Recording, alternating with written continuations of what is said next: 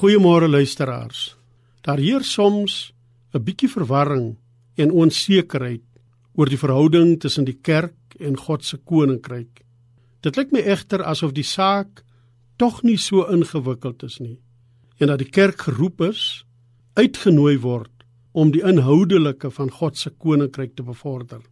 Natuurlik is dit so dat God self sonder ons heeltemal goed regkom, maar sy liefde vir ons kom juis daarin tot uitdrukking dat hy die risiko aangaan om ons met die belange van sy ryk te vertrou.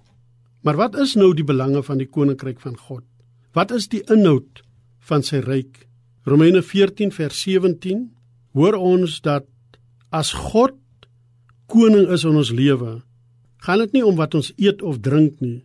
Dit gaan daarom dat ons reg sal lewe en die vrede en die blydskap sal vertoon wat die Heilige Gees in ons bewerk. Allereers natuurlik gaan dit daarom dat God koning is in ons lewens. Maar dan ook om geregtigheid of om reg te lewe vir God, om vrede en blydskap te vertoon wat deur die Gees van die ryk in ons bewerkstellig word.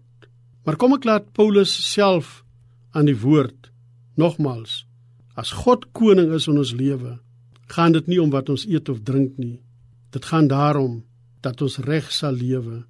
In die ryk van God gaan dit dus oor ons verhouding met God in Christus en die Heilige Gees, maar ook oor die gestaltes waarin ons vir ander mense verskyn. As ons bid, laat U ryk kom, dan bid ons ook, laat U Shalom, U allesomvattende welsyn en U uitbundige vreugde laat ons dit uitstraal. Amen.